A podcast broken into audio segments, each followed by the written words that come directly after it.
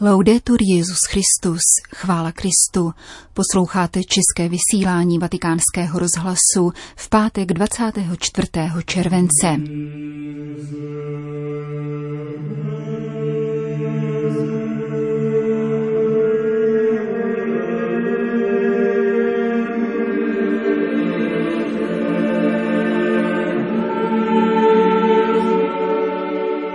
Děkuji za odvážné svědectví, napsal papež František chlapci, který navzdory zdravotnímu postižení vykonal pouť do Santiaga.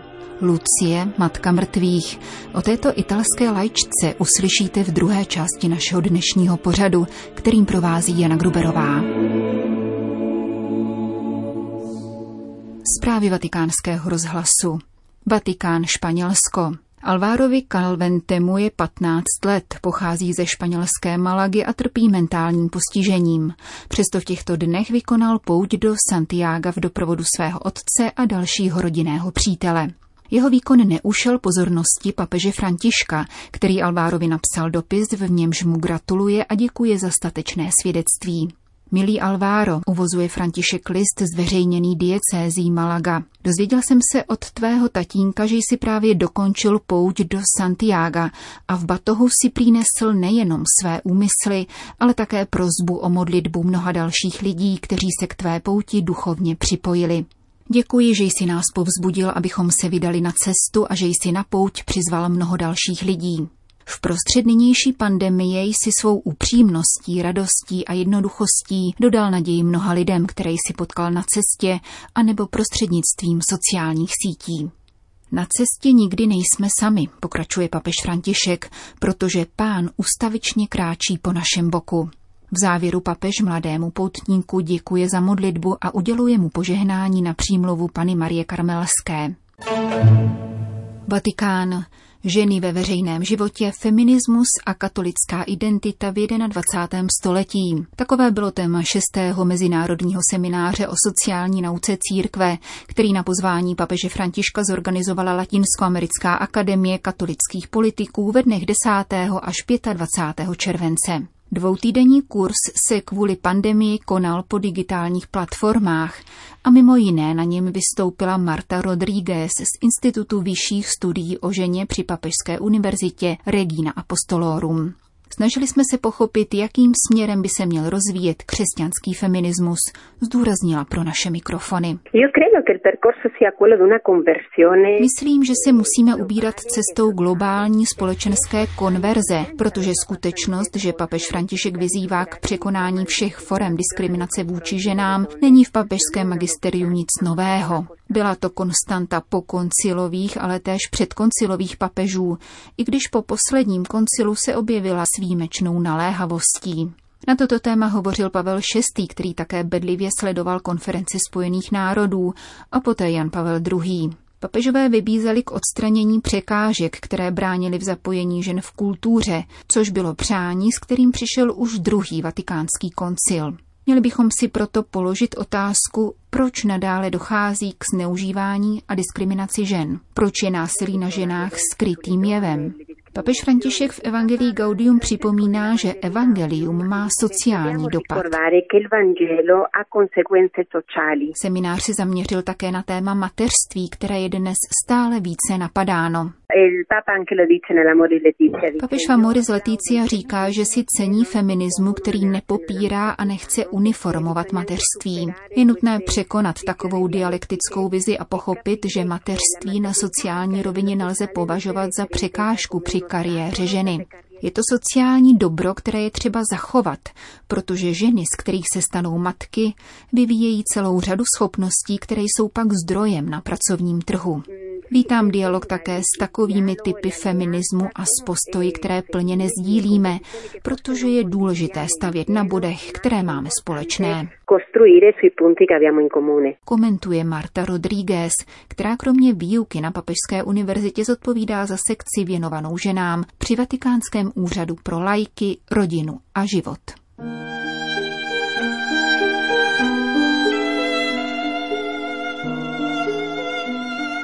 Papež Jan 23. před ní poklekl a slavný operní pěvec Benjamino Gigli pro ní vyspíval árii Matka. Není divu. Lucia Pizapia a Pičela, zvaná též matka Lucie či matka mrtvých, totiž byla stělesněním křesťanské pietas, která nehledí na prapory a ideologie. Na konci druhé světové války vlastníma rukama ze země vyhrabala a důstojně pohřbila tělesné ostatky 800 spojeneckých i znepřátelených vojáků a tyto své děti pak do konce života oplakávala a modlila se za ně. Její beatifikační proces začal letos v lednu, aby poukázal na dvojí skutek duchovního i tělesného milosrdenství, modlit se za živé i zemřelé a pohřbívat mrtvé.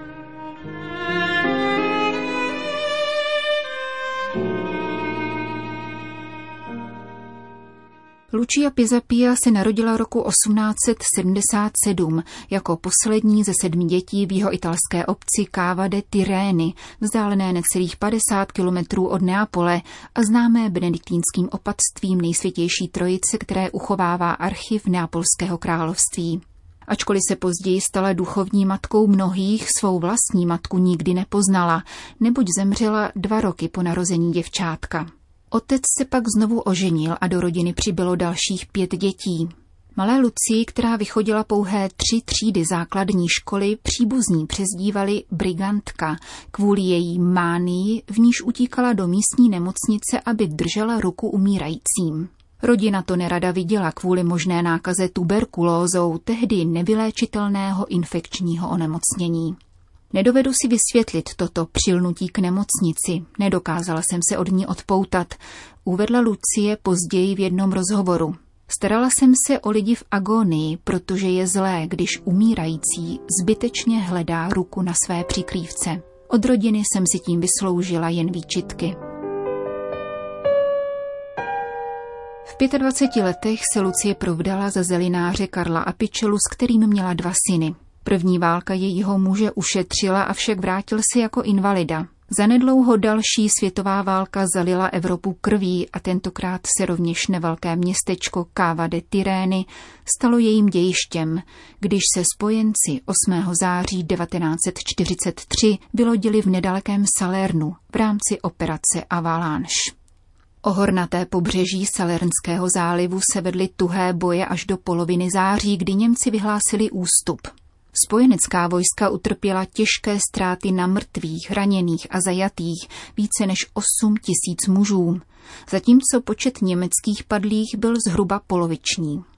O několik měsíců dříve, 4.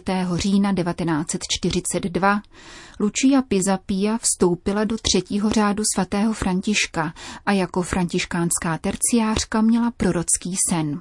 Viděla v něm mítinu s osmi vyoranými kříži, podél nich stálo osm cizích vojáků a lámanou italštinou ženu prosili, aby jejich těla navrátila matkám, které je už nikdy nespatří.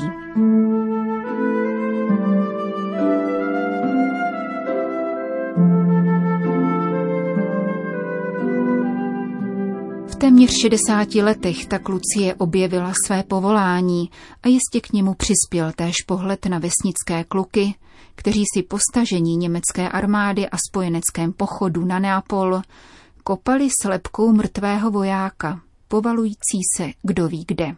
Onen sen mi nedopřával klidu, popsala italská lejčka později, a proto jsem se obrátila dopisem na spojenecké velení, aby mi umožnilo pochovat mrtvé. Zvítězili jste, nenávist pominula a já vám píši jako prostá matka. Dovolte mi vzdát poslední úctu zemřelým. Stálo v listě, na který ovšem dostala zamítavou odpověď. Pohřby byly v kompetenci italských úřadů, které si však počkali na příslušný zákon o evidenci padlých až do 50. let.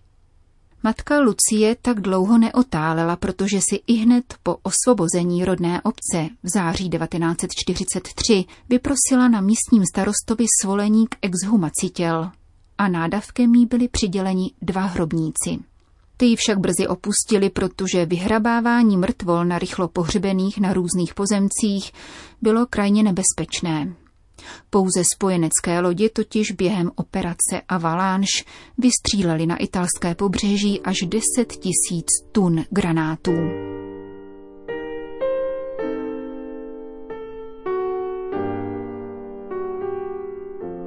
Houževnatá venkovanka se nicméně nevzdala a hledala lidské ostatky ve skalních jeskyních, propastech i na osázených polích.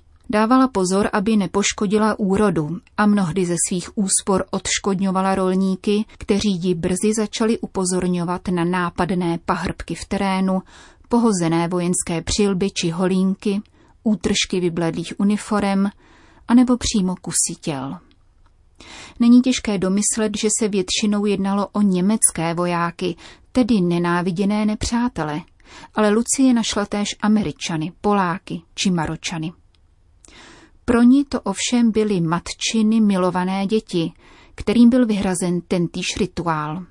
Pětní sběr ostatků, jejich pečlivá očista a urovnání do pozinkované schránky vyrobené vesnickým kovářem, a poté přenos do odsvěceného kostelíka, který se stal prostorem pro trvalý výstav těchto zemřelých.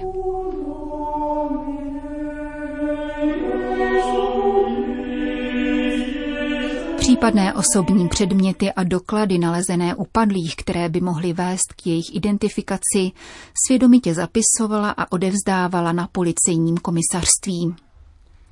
Lucie si svou misi financovala sama, investovala do ní veškerý rodinný majetek, včetně vlněné výplně matrací, která je důvodem hrdosti středomorských žen, neboť na pytlech naplněných listím a kukuřičným šustím tehdy spávali jen chudáci. Na mnoha stranách se setkala s nepochopením, zesměšňováním a dokonce výhruškami.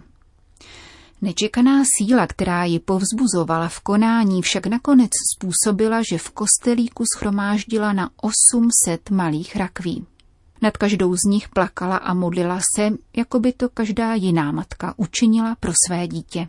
A již nikdy nesvlékla smuteční černou, protože ony nebohé chlapce skutečně považovala za své syny.